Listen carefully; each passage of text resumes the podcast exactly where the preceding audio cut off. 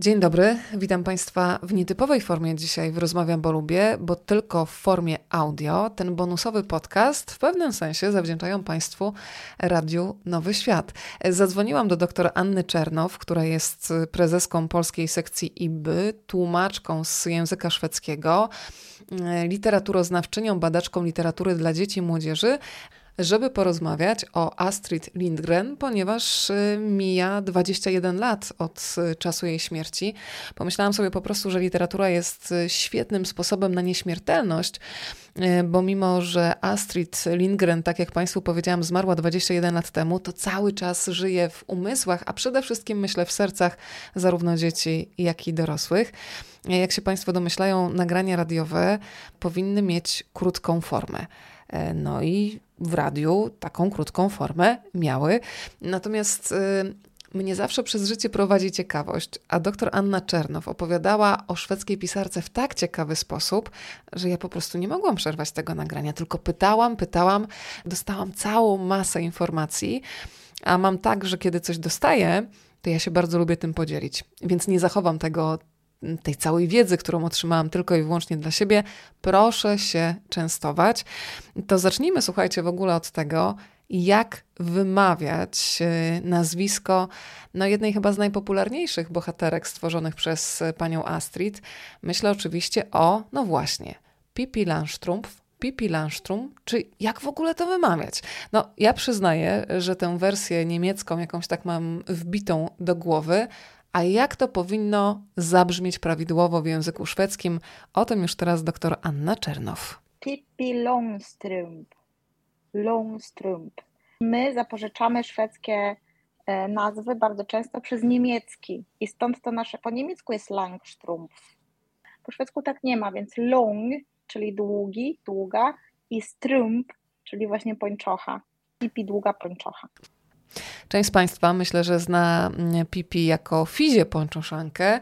E, zastanawiałam się, jak do takiej wersji imienia i nazwiska podchodzi Anna Czernow. Posłuchajcie. Fizia Pończoszanka dla mnie nie brzmi źle, bo ja czytałam tę książkę, ja poznawałam Pipi jako książkę. Ludzie różnie poznawali Pipi w różnej kolejności. Pipi występuje, przecież ta, ta, ta postać to jest jakby bohaterka książki, ale został nakręcony serial, kilka filmów zostało nakręconych, były sztuki teatralne, jest komiks o Pipi, także myślę, że y, ludzie z różnego pokolenia różnie te Pipi poznają. Ja przeczytałam książkę i to była wtedy Fizia Pończoszanka w tłumaczeniu Ireny Szuch-Wiszomirskiej, które to tłumaczenie jest z lat 60. i dopiero w latach 90., kiedy Teresa Chłapowska tłumaczenie rewidowała i jakby na nowo nasza księgarnia wydawała Pipi, to wtedy to zostało zmienione na Pipi, Pipi Pończoszanka.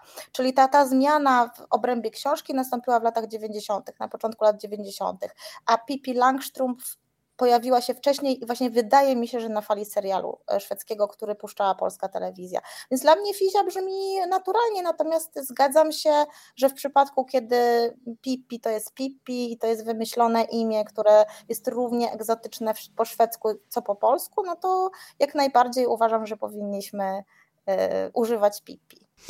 Przyznam się Państwu, że zrobiłam na Facebooku takie ekspresowe badania terenowe, pytając o to, czy wśród moich znajomych, a jest ich spora liczba, są fani Astrid Lindgren. No i odzew był oszałamiający, padały różne tytuły. Pipi oczywiście się pojawiało, ale też dzieci z Bullerbyn. E, pojawiały się osoby, które wskazywały na braci Lwie Serce, ironię, więc musiałam zapytać Annę Czernow o jej ulubione lektury. Dla mnie osobiście wybitnie ważną książką w dzieciństwie były Dzieci z Bullerbyn i to jest rzecz, badania potwierdzają, że w Polsce to jest chyba taka najpopularniejsza książka Astrid Lindgren, znaczy najbardziej czytana, najbardziej pamiętana, tak czysto statystycznie. Pippi również, ale mniej niż Dzieci z Bullerbyn. Ja osobiście też bardzo lubię te jej fantastyczne książki, poważniejsze, typu Braci Lwie Serce, typu Ronie, Córka Zbójnika. Uwielbiam Emila, to jest trochę mniej może czytana w Polsce książka, ale jest wspaniała, bardzo wybitnie też napisana no lubię większość jej książek, też jak badam jej literaturę, a badam ją, to troszeczkę mm, takie badawcze czytanie zaciera tę lekturę dzieciństwa i to jest już troszeczkę inne podejście do, do autora i do literatury, więc ja po prostu uważam, że nie wszystkie książki są tak samo dobre, zdecydowanie. Na przykład nie poważam za bardzo jej literatury dla nastolatek. I w Polsce na przykład, mimo że zostały te książki przetłumaczone, jakoś nie słyszy się, żeby ktoś się zachwycał e, na przykład trylogią o Kati, prawda? Nie, nie, nie ma tej recepcji takiej obfitej. Uważam, że to są gorsze książki z różnych względów, ale też są dla mnie ciekawe, tak? Pod różnymi właśnie względami. Ostatnio z dziećmi czytamy Carlsona z dachu, I to też jest bardzo, bardzo fajna lektura. Właśnie ciekawe jest to, że po cokolwiek się sięgnie z tych jej dziecięcych książek, to to jest naprawdę świetna lektura. Madika jest jaka wspaniała, ja uwielbiam Madikę. Też troszeczkę mniej znana w polskim kontekście. To przedstawmy też y, trochę samą panią Astrid, tym bardziej, że oczywiście człowieka można zamknąć w jakieś takie sztywne, encyklopedyczne ramy od do, data urodzenia, data e, śmierci. Mija 21 lat od śmierci pisarki dzisiaj. Natomiast czy mogłaby nam pani trochę powiedzieć o jej rodzinnym domu, o takich korzeniach, o też momencie debiutu, bo ona wcale tak szybko nie zadebiutowała w sumie jako autorka dla dzieci i młodzieży. Potem to się w fantastyczny sposób rozwinęło, ale jakie były jej korzenie, jak ta droga do pisania wyglądała u niej? Jej korzenie my odkrywamy w ostatnich dziesięcioleciach. Pokutował taki trochę mit na temat jej rodziny, ona ten mit wspomagała, mm, że ta, ta, to była taka bardzo szczęśliwa rodzina, mama, tata, czworo dzieci, świetnie się bawili. Wiemy, że te zabawy właśnie w jej książkach dla dzieci są inspirowane w dużej mierze jej własnym, własnym dzieciństwem. Natomiast w pewnym momencie mm, zaczęło się mówić bardziej o tym, głównie po, po takiej biografii, którą jeszcze za życia Astrid napisała Margareta Stromstedt, to była taka bardzo jej bliska przyjaciółka, dziennikarka i pisarka, że Astrid bardzo wcześnie zaszła w ciążę, to była ciąża pozamałżeńska i urodziła dziecko w Kopenhadze, musiała to dziecko porzucić na trzy lata. I to, to był taki, no, zaczęto o tym mówić, to był taki bardzo duży temat, natomiast y, cały czas niejako nie zgłębiano tematu właśnie tego, jak to, jak jej rodzina to przyjęła, prawda, i co się tam zadziało w tym momencie. Wiadomo, że ona zaszła w ciążę ze swoim szefem, ponieważ jako nastolatka zaczęła pracować w lokalnej gazecie w Wimmerby, Astrid pochodzi ze Smolandii, właśnie z okolic Wimmerby, Mm, I, i, I, po prostu wdała się w romans. I ona sama, mówiąc o tym romansie już po wielu, wielu, wielu, wielu latach, nie żałowała romansu. Tam mówiła, że nie to, że była za, zakochana w tym mężczyźnie, on był zresztą 30 lat od niej starszy. E, ona wtedy miała lat tam 16, 17, 18, trudno, trudno powiedzieć, kiedy to się zaczęło, tylko że ma do niego pretensje o to, że nic jej nie powiedział o antykoncepcji że nie zadbał o nią w ten sposób, że, że w ogóle mu nie przyszło do głowy, żeby jakoś zabezpieczyć ją właśnie przed tą ciążą. A to była bardzo poważna sprawa, dlatego że wtedy zajść w nieślubną ciążę w małej miejscowości, a ona była córką e, pomocnika kościelnego, jakby ta jej rodzina była blisko przy kościele, jej mama była mega wierząca i to w taki protestancki sposób. Tam się mówiło, że od przytulania to był tata, a mama nie była od przytulania, tak? Więc taka jakaś, takie jakieś właśnie chłodno, chłodne relacje po prostu między mamą a tymi dziećmi. Jakby już coraz więcej o tym wiemy, też eksploruje to bardzo film fabularny Młoda Astrid, ten, ten, te, te relacje między Astrid a mamą. Plus jeszcze y, prawo szwedzkie bardzo nie sprzyjało y, kobietom, które zachodziły w nieślubną ciążę. Y, wiemy, że Reinhold Bloomberg, który mm, jakby miał żonę, drugą zresztą, pierwsza umarła, urodziwszy jakieś mnóstwo dzieci. Ta druga, jak, jakby zaczęła się, chciała się z nim rozwieść, bo on generalnie tam romansował i w ogóle nie był bardzo wierny, a on jakby chciał się ożenić z Astrid, nawet jej to zaproponował, ona nie chciała się z nim, wyjść za niego za mąż, co jest moim zdaniem taki, takim, takim dowodem na to, że była niezależną osobą. I cała ta potem y, okropna sytuacja, w której się Astrid znalazła, czyli to, że najpierw on jej tam załatwiał miejsce w jakimś domu narodzin, ale ta jego żona, która się chciała rozwieść, a chciała się rozwieść z orzeczeniem o jego winie, chciała udowodnić to, że ją zdradzał, co było karane wtedy, bo wtedy byłaby bardzo zabezpieczona finansowo, gdyby to była jego wina, tak? Ścigała po prostu te Astrid, nawet wynajmowała ludzi, żeby tam powiedzmy się tam dowiadywali i ścigali i tam rozpoznawali jego charakter pisma, on tam pod jakimiś przybranymi nazwiskami jej to miejsce w domu narodzin załatwiał. I koniec końców wyszło na to, że Astrid musiała jechać do Kopenhagi, gdzie, znajdował się jedyny szpital w Skandynawii, gdzie się nie mm, wpisywało danych matki, jakby nie rejestrowało się tych rodzących matek, czyli y, kobieta tam rodząca mogła nie nosić potem na sobie tego piętna kogoś, kto urodził dziecko pozamałżeńskie.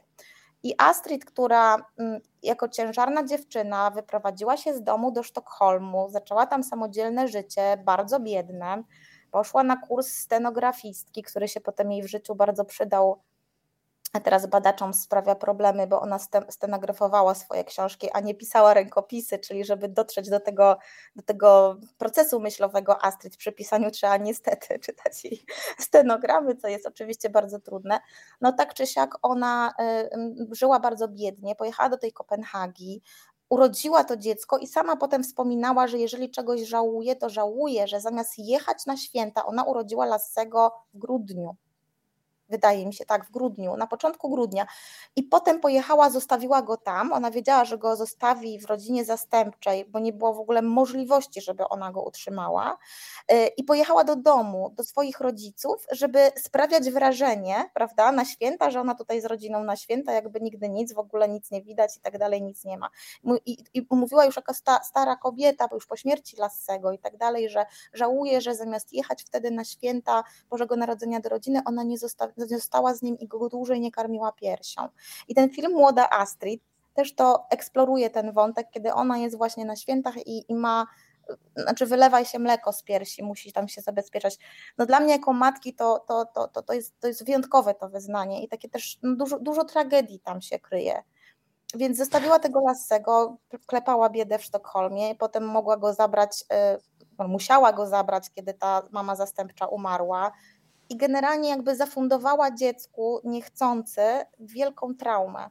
Wracając do debiutu, e, Astrid debiutowała już jako 30-parolatka, już jakby w małżeństwie będąc, mając dwoje dzieci e, i mając za sobą doświadczenie właśnie bycia gospodyni domowej i bardzo bogate doświadczenie różnego, bardzo zróżnicowanego życia zawodowego. Mm, ona napisała Pipi w czasie II wojny światowej. Nieco wcześniej niż Pipi ukazały się, ukazała się książka Zwierzenia Brit Marii, ale to były lata 40. Pipi wyszła w 45. Jakie były potem relacje Astrid z jej dziećmi? Bo się zastanawiam, e, jak po takim dzieciństwie mm, wyglądają te relacje. E, ile jest e, w dorastającym człowieku pretensji, ile jest świadomości, jak to dzieciństwo mogło wyglądać, a jak wyglądało. Co możemy o tym powiedzieć, o tym, co się wydarzyło później, kiedy już dzieci dorastały? Mm, niewiele możemy powiedzieć. Znaczy wiemy, że miała znakomitą relację z córką, z córką, która się urodziła w jej małżeństwie. Ona wyszła za mąż też bardzo ciekawy wzorzec, wdała się w romans ze Sturem Lindgrenem, żonatym człowiekiem, który, żeby się z nią ożenić, rozwiódł się z żoną. Też łączyły go z nią e, stosunki podwładny szef, on był jej szefem, ona właśnie u niego pracowała. I, I ta córka, która się urodziła z tego małżeństwa, to było takie dziecko wychuchane od początku i, i naprawdę miały do, do, do śmierci Astrid znakomitą relację.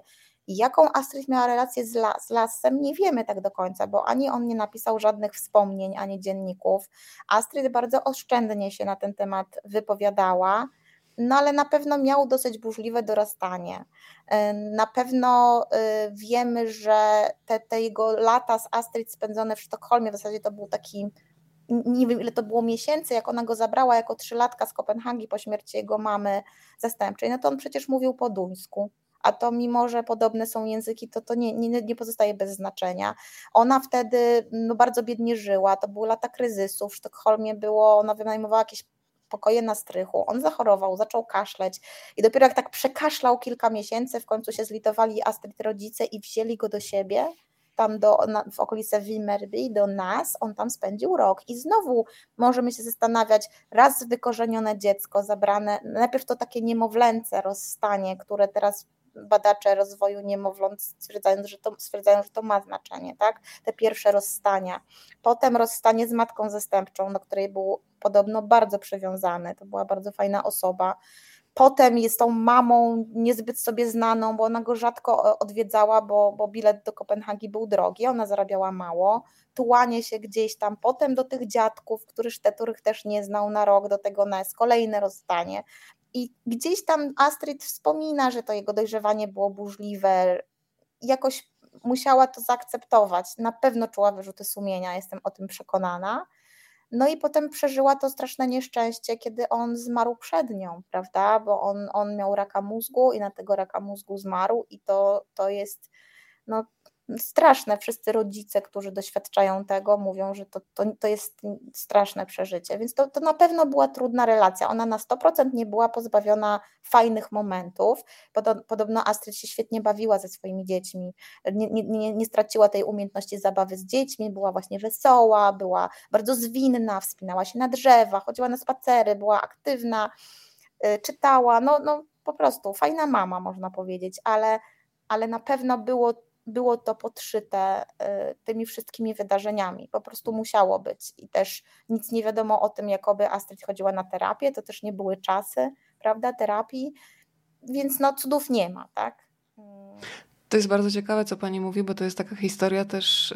Yy macierzyństwa, które przerasta młodą dziewczynę, tak jak mówiłyśmy, osiemnastolatkę, e, funkcjonującą też w takim, a nie innym środowisku rodzinnym i też w czasach, bo e, przecież mówimy o sytuacji bardzo konserwatywnej e, Szwecji to raz, ale tak jak pani wspomniała, też rodziny takiej mocno mm, wierzącej, więc wyobrażam sobie, co w tej młodej dziewczynie też musiało się dziać, ale powiedzmy też w ogóle, jaka była reakcja, wracając do twórczości pani Astrid, na pojawienie się w latach 40. Pipi, o której już rozmawiałyśmy, Mm, co pisali recenzenci? Z jakimi ona opiniami się spotykała? Na ile to był zachwyt wtedy w latach 40., a na ile y, poważna krytyka? Pipi się ukazała w 1945 roku, czyli w połowie lat 40. kończy się wojna. E, znaczy w zasadzie Pipi się jeszcze w trakcie wojny ukazała, bo ona się ukazała jako książka bożonarodzeniowa tak zwana. To, to, to w ogóle była taka tradycja wydawnicza u nas w Polsce też, że przed Bożym Narodzeniem jakieś ważne tytuły wydawano, albo tytuły, z którymi wydawnictwo wiązało nadzieję, żeby się oczywiście książka lepiej sprzedała. I, i była bardzo reklamowana obficie. Należy też wziąć pod uwagę, że manuskrypt różni się od wydanej e, książki, ponieważ manuskrypt, e, który napisała Astrid w prezencie dla córki, jest znacznie bardziej radykalny. I e, z pomocą redaktorów, z pomocą na, na, jakby na życzenie wydawnictwa, Astrid złagodziła ten manuskrypt, on się ukazał drukiem i pierwsza fala recenzji była mega pozytywna. Mega pozytywna, o to też bo wydawnictwo, takim, taką odpowiednią reklamą, nagłośnieniem książki. To była książka wydana wyjątkowo mm, pięknie, jak na tamte czasy, ale też z takimi dziwacznymi ilustracjami Ingrid van Nyman, takimi charakterystycznymi, u nas w Polsce też je znamy. I okładka była żółta, Pipi wystawała z jednej strony, z drugiej strony pan Nilsson, bardzo nietypowo wydana książka, zwracająca na siebie uwagę, na to zresztą podupadające wydawnictwo Rabien i Szogren bardzo liczyło i nie przeliczyło się. pierwsza fala e, właśnie recenzji była bardzo pozytywna, zazwyczaj w Szwecji wtedy recenzowały kobiety książki dla dzieci, były takie bardzo prominentne recenzentki właśnie największych szwedzkich dzienników i one były zachwycone, że właśnie tutaj Pipi uczy jak się dobrze bawić, właśnie uczy takiego, takiego śmiechu prawdziwego, świetnej zabawy, no cudownie było, a potem e, po pół roku mniej więcej odezwał się e, pedagog, który miał nazwisko Landquist, to był profesor Uniwersytetu w Lund, on był właśnie pedagogiem e, i napisał cały artykuł na temat Pipi, w którym pisze, jaka ta Pipi jest okropna, że ona właśnie jest straszna, że jest paskudna, że jest brzydka, że, że, że się źle zachowuje, że po prostu jest nienormalna. On tam pisał, że Pipi zachowuje się jak, jakby była pijana albo jakby była właśnie szalona. Y, i kwestionował w związku z tym wpływ, jaki Pipi może mieć na e, dzieci. Też przy, przytaczał swoją czytelniczą przygodę z córką, że kupił tę książkę tak chwaloną, czytali z córką. Córka kompletnie odrzuciła, bo tak nienormalna właśnie była ta bohaterka i tak okropnie e, wstrętna. I potem po tym, po tym artykule, który był bardzo głośny, rozpętała się burza, taka powiedziałabym kłótnia o Pipi, gdzie no niektórzy brali Pipi w obronę, a inni Pipi atakowali z tych właśnie pobudek, co, co ów profesor z Lund. I to nieprawda, co się powtarza, że właśnie od, od początku była to, bo to, to taki mit wokół Pipi się narodził, że ta burza, y, awantura o Pipi była zaraz po tym, jak się Pipi ukazała, ale to nieprawda. Pipi była bardzo kochana przez recenzentów, bardzo dopieszczana, bardzo promowana. Astrid miała y, autorskie spotkania i wszystko po prostu grało i buczało. I w bardzo odpowiednim momencie, moim zdaniem, ta, ta recenzja się pojawiła y, profesora Landquista, bo wtedy już Pipi naprawdę była, no, była czymś ważnym takim zjawiskiem literackim, można powiedzieć, osadzonym już trochę. W związku z tym myślę, że sprzedaż skoczyła pod wpływem tej recenzji. Przygotowując się do spotkania z Anną Czernow, trafiłam na taki wywiad, który ukazał się w portalu Kosmos. Chodzi oczywiście o Kosmos dla dziewczynek. Polecam Państwu przy okazji z całego serca. Y, tam y, rozmowa Anny Błaszkiewicz z Anną Czernow i to właśnie w tym wywiadzie pani Anna Czernow mówi o tym, że dla niej taką spadkową spadkobierczynią Pipi jest grzeczna. Co to jest za książka? O tym posłuchajcie teraz. Grzeczna to jest książka norweska e, Grudole i Sveina Nyhusa. To jest taka para twórcza, których chyba trzy czy cztery książki się ukazały w Polsce. Niestety Grzeczna jest e, białym krukiem, to znaczy można ją gdzieś w bibliotece się na nią natknąć, ale, ale, ale jest mało egzemplarzy. Wiem, że na Allegro osiąga jakieś zawrotne sumy ale polecam. To jest książka obrazkowa, która opowiada o dziewczynce, która wychowana, znaczy właśnie jest taką grzeczną dziewczynką. Ona jest raczej córką Aniki, można powiedzieć, albo wnuczką, ponieważ e, rodzice jej nie zauważają, a nie zauważają ją między innymi dlatego, że ona jest taka grzeczna. I ona w tej swojej grzeczności, można powiedzieć, niknie, tak? Siedzi sobie, czyta, nie ma jej. I w pewnym momencie do tego stopnia jej nie ma i się rozmywa w rzeczywistości, że trafia do ściany. Jest w tej ścianie i w tej ścianie widzi, że jest mnóstwo dzieci takich podobnych do niej z różnych czasów, które też były grzeczne, więc trafiły do ściany, bo nikt ich nie widział. I w pewnym momencie ta dziewczynka postanawia zacząć krzyczeć.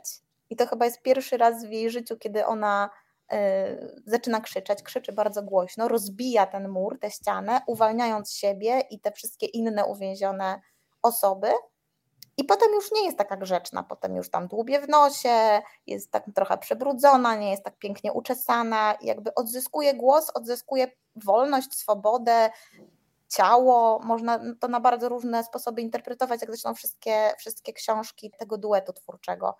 No i to też jest o tym książka, prawda? Tylko, że współczesna, bo Pipi, kiedy się ukazała, to Pipi działała jak wentyl bezpieczeństwa na, właśnie na dzieci, na dorosłych. To była taka super wolna osoba, właśnie robiła wszystko na opak, robiła nie tak, jak się wtedy robiło, ale ona była też, y, ona przecież była najsilniejszą dziewczynką na świecie, trzeba zwrócić na to uwagę że, że to nie była, to Anika nie mogła się tak zachowywać, bo Anika miała mamusię, tatusia, musiała chodzić do szkoły i była słabą dziewczynką.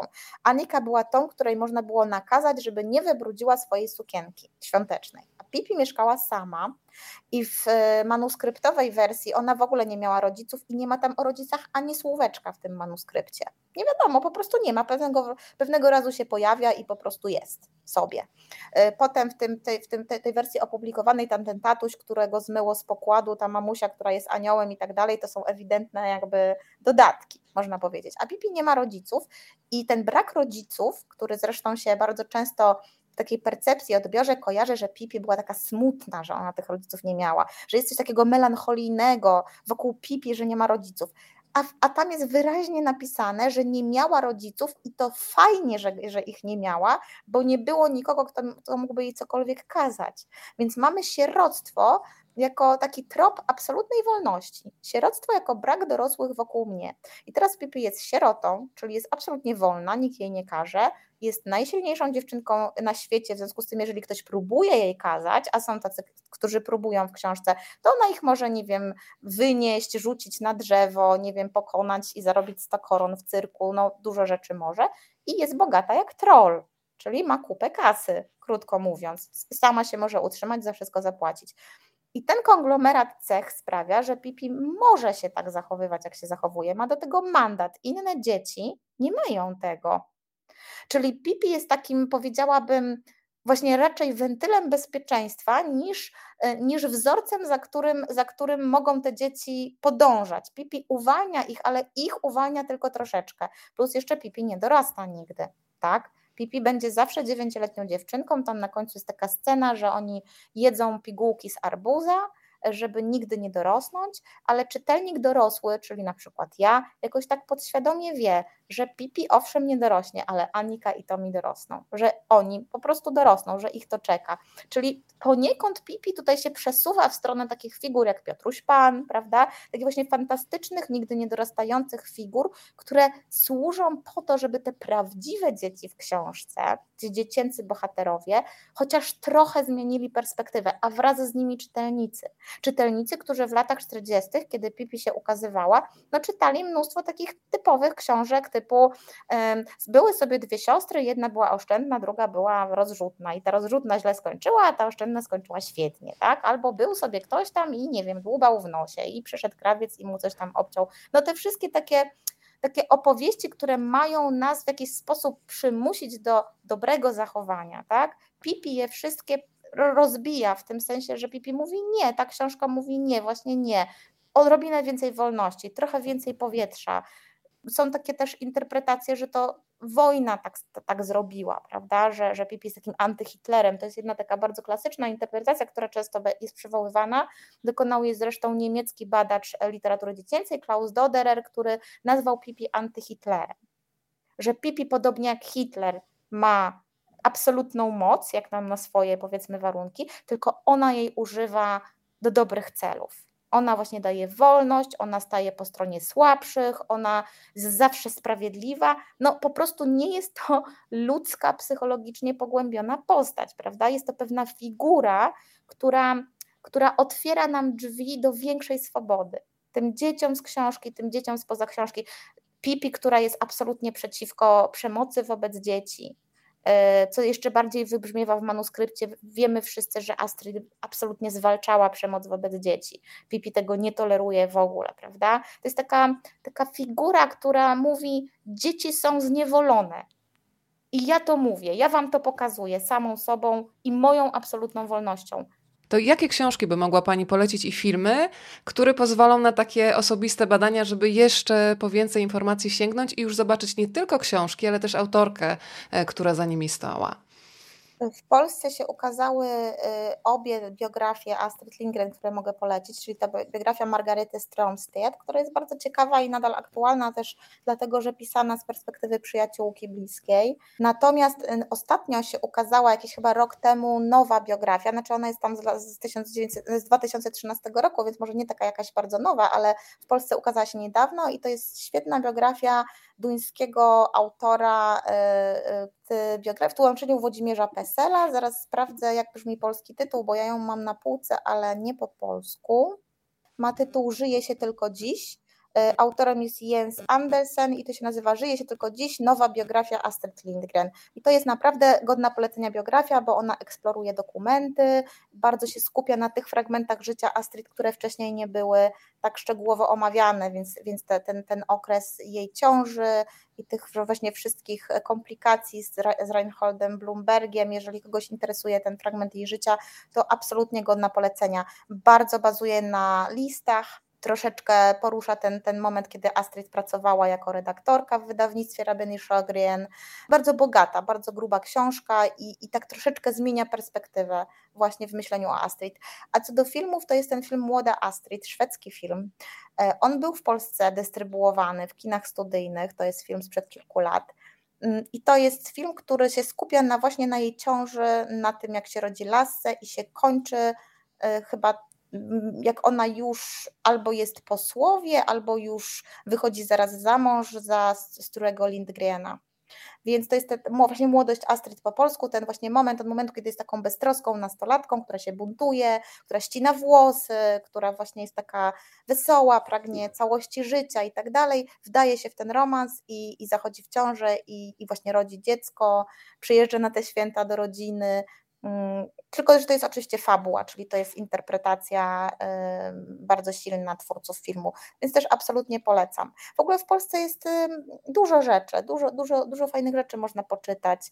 E, jest taka badaczka Hanna Dymel-Trzebiatowska, która analizuje przykłady Pipi i innych książek Astrid Lindgren na polski, gdańska badaczka, więc można jej, jej teksty naukowe poczytać, też bardzo, bardzo ciekawa lektura, więc myślę, że, że każde, każde zerknięcie do katalogów bibliotecznych będzie Mm, inspirujące dla kogoś, kto chciałby pogłębić trochę wiedzę i o Astrid, i, i, i o jej literaturze. Astrid Lindgren e, zmarła w 2002 roku. Zapytałam Annę Czernow, jak wyglądał jej pogrzeb, e, a trzeba powiedzieć, że Astrid w Szwecji cieszyła się ogromną sympatią, popularnością e, i jej pogrzeb zgromadził tłumy. On się odbywał w Sztokholmie, w sensie w Sztokholmie były uroczystości pogrzebowe. Astrid jest pochowana w Wimmerby, więc potem trumna z jej ciałem została przewieziona do Wimmerby. Był tam biały koń y, prowadzony przez dziewczynkę w tym takim orszaku pogrzebowym. Trumna Astrid była wieziona w karecie, też zaprzężonej w konie. Była rodzina królewska na pogrzebie, król, królowa i następczyni tronu, księżniczka Wiktoria. Był premier Szwecji, byli naprawdę przedstawiciele polityki, życia kulturalnego, bardzo doceniany artysta, śpiewak, śpiewał jej piosenki, Astrid bardzo dużo piosenek napisała. Mm, I mnóstwo było również Sztokholmczyków, mnóstwo było ludzi. Ona była jedną z największych osobistości, bardzo docenianych w Szwecji. Ona miała gigantyczny wpływ na to, jak wygląda literatura szwedzka y, dziecięca, jak wyglądała od momentu, kiedy zaczęła pracę w Rabian i Szogren i to wydawnictwo w ogóle urosło do, do rozmiarów jednego z największych wydawnictw tej literatury w Szwecji, do lat 70. po prostu była redaktorką naczelną i podejmowała decyzje, korespondowała z autorami, jakby w pewnym momencie nadawała ton, e, wpływała na politykę, Astrid wymogła, żeby uchwalono prawo ochrony zwierząt. Astrid bardzo brała głośny udział w debacie na temat zakazu bicia dzieci w Szwecji. Przypominam, że Szwecja jako pierwszy kraj na świecie zakazała bicia dzieci, tak, stosowania kar cielesnych. Więc ona miała przeolbrzymi wpływ. Była doceniana na, wszelkich, na wszelkie możliwe sposoby. Tak nie dostała Nagrody Nobla, mimo że była do niej nominowana. No ale nie dostała jej, ponieważ Nagroda Nobla to jest bardzo elitarystyczny, bardzo patriarchalny twór. Wiemy, co się tam działo, kiedy e, miała to Karczuk dostać i, i była zawieszona prawda, na rok. To jakby pokazuje pewne rzeczy i otwarcie się tych ludzi na Astrid jako autorki literatury dziecięcej było po prostu niemożliwe i nie chcieli tego zrobić, tego nie zrobili, ale tak było to dyskutowane w Szwecji. To, żeby w Nikę zrobić kategorię literatury dla dzieci, w ogóle nie jest przedmiotem dyskusji w naszym kraju, przecież chciałam zaznaczyć, tak? Więc literatura dziecięca w naszym kraju w ogóle nie ma prawie statusu w porównaniu z tym, jaki ma w Szwecji. A ja się bardzo cieszę, że na przykład, jeżeli chodzi o literaturę dziecięcą, obserwuję na przykład literacką podróż Hesti, gdzie prywatna mhm. firma wyznacza nagrodę 50 tysięcy złotych i uważam, że jest to świetny ruch, y, bo w końcu autorzy dla dzieci są traktowani na równi z dorosłymi. Ja uważam, że jest to jeszcze większe wyzwanie, ale faktycznie brakuje. Tak jak pani wspomniała, nagroda Nika, no nie ma i, i w sumie nawet Nikt chyba nawet nie wysunął takiego postulatu, może że to jest dobry moment, żeby to zrobić. No, Czy były wiem, próby? Ja nie wiem, nie wiem, publicznie nic o tym nie wiem. Wiem, że jedyną nagrodą e, tak zwaną dla dorosłych, czy ogólnoliteracką, która ma kategorię literaturę dla dzieci, to jest e, Nagroda Literacka Miasta Stołecznego Warszawy. Tam jest kategoria dla dzieci, a w głównej nagrodzie szwedzkiej, typowo szwedzkiej August Priset, która jest odpowiednikiem e, naszego, naszej Nike, jest kategoria dla dzieci od, od dawna dla dzieci i młodzieży. W Szwecji powstała nagroda imienia Astrid Lindgren, tak zwana ALMA, Astrid Lindgren Memorial Award, którą dofinansowuje szwedzkie państwo i tam chciałam powiedzieć, to są miliony w nagrodę, jak ktoś jest laureatem tej nagrody. Przyznam się teraz Państwu do czegoś. Gdybym była pisarką dla dzieci, to bym marzyła o tym, żeby otrzymać nagrodę imienia Astrid Lindgren, tę nagrodę przyznawaną w Polsce, bo z nią się wiąże piękna statuetka, a ta statuetka ma postać Pipi, która trzyma konia. I kiedy zaczęłam o tym rozmawiać z panią Anną Czernow, to okazało się, że z Pipi i z koniem jest związana też pewna anegdota, więc proszę się częstować. To jest bardzo piękna oczywiście statuetka. Aczkolwiek ten, ten, w ogóle ten taki memiczny obraz Pipi podnoszącej konia, który jest niesamowicie fajny, ponieważ i się wiąże z anegdotą tłumaczenia francuskiego. Nie wiem, czy pani o tym słyszała. Nie, że, nie znam.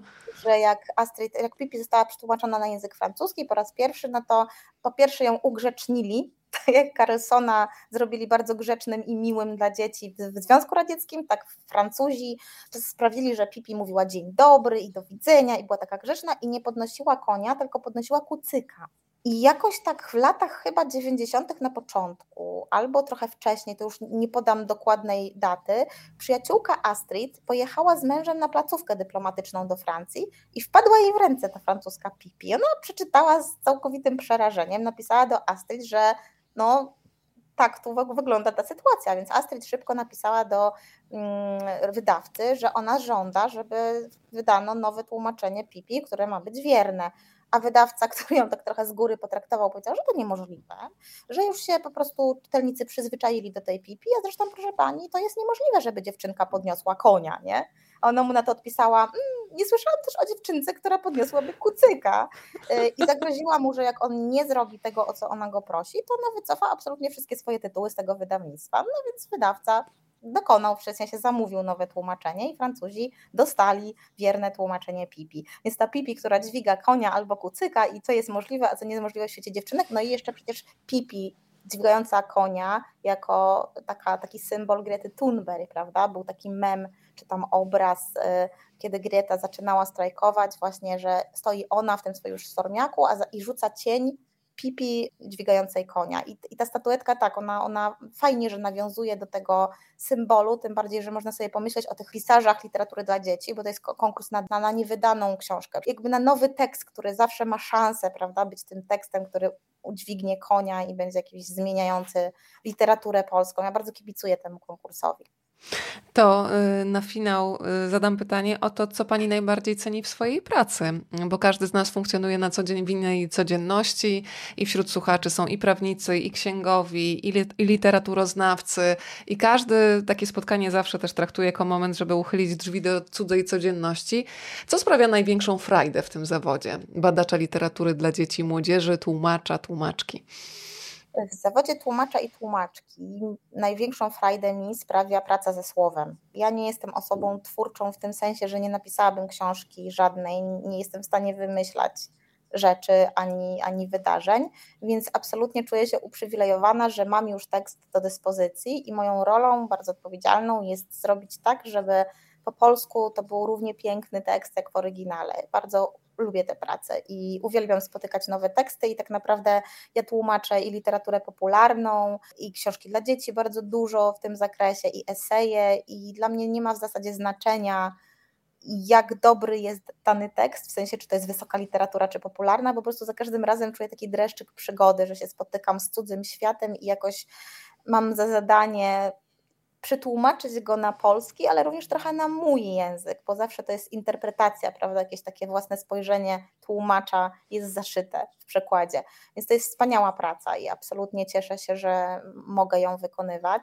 Jeśli chodzi o pracę badawczą, to, to y, praca jest też wspaniała, aczkolwiek ona jest y, trudniejsza dla mnie przynajmniej, ponieważ wymaga y, bardzo dużo różnych frustrujących elementów zawiera w sobie, tak? Taką, taką dużą odpowiedzialność również związaną z pisaniem tekstów, z robieniem tego researchu, z, z przeczytaniem właśnie tylu rzeczy, ile można, żeby to było jak najbardziej zobiektywizowane. Z drugiej strony to jest bardzo osobiste działanie, takie działanie badawcze, interpretowanie książek, to jest zawsze takie ryzykowne rzucanie na szalę naukową jakichś, jakichś takich swoich głębokich przemyśleń, zwłaszcza taka nauka jak mnie interesuje, to znaczy ja lubię czerpać z siebie, z mojego dzieciństwa, z moich dzieci, obserwować właśnie, jak ta literatura działa w spotkaniu z czytelnikiem na takiej też bardziej osobistej, osobistym poziomie. W literaturze dla dzieci jest to moim zdaniem nie do uniknięcia, to znaczy to nie jest taka literatura, którą można zamknąć w instancjach wewnątrztekstowych. Dla mnie to po prostu ona jest zaangażowaną literaturą w pewnym sensie i to zaangażowanie też trzeba zauważyć. Więc tutaj jest zawsze taki, taki dreszczyk emocji dla mnie, którego nie mam w przekładzie, bo ja nie mam problemu, jak ktoś krytykuje na przykład mój przekład albo twierdzi, że tutaj coś jest ten, to ja po prostu tutaj nie mam absolutnie żadnych y, potem, nie wiem, nie czuję żadnego żalu ani, ani niczego takiego. Natomiast właśnie w tej nauce trochę mam takie drżenie, że ja tutaj po prostu moje trzewia naukowe pokazuję i co teraz będzie, tak? Jak, jak, jak to będzie potem funkcjonować. Więc to jest dla mnie taka trudniejsza ścieżka, ale niezmiernie satysfakcjonująca. W badaniu literatury dziecięcej najbardziej lubię środowisko międzynarodowe literatury dziecięcej, środowisko badaczy, które jest no, fenomenalne i jest fajnie zintegrowane i bardzo takie współpracujące, przynajmniej w mojej takiej ocenie. I bardzo sobie to cenię, że mogę liczyć na ludzi z różnych krajów, którzy rozumieją o co mi chodzi, kiedy mówię, że uwielbiam Astrid Lindgren i jej książki. O życiu i twórczości Astrid Lindgren opowiadała dziś Państwu dr Anna Czernow, przypomnę, prezeska polskiej sekcji IBY, tłumaczka z języka szwedzkiego, literaturoznawczyni. Bardzo dziękuję za to spotkanie. Dziękuję bardzo. I jeszcze wdzięczność i uśmiech dla Magdaleny Kiełbowicz, która mnie połączyła z naszą dzisiejszą gościnią. Powiem Państwu, że uwielbiam ten łańcuszek dobrych ludzi i tak od człowieka można wędrować do człowieka. Proszę się dzielić tym spotkaniem, a przy okazji w komentarzach też możecie zostawiać te lektury e, szwedzkiej pisarki, które cały czas Was pracują, nawet jeżeli czytaliście już je lata temu. Do usłyszenia.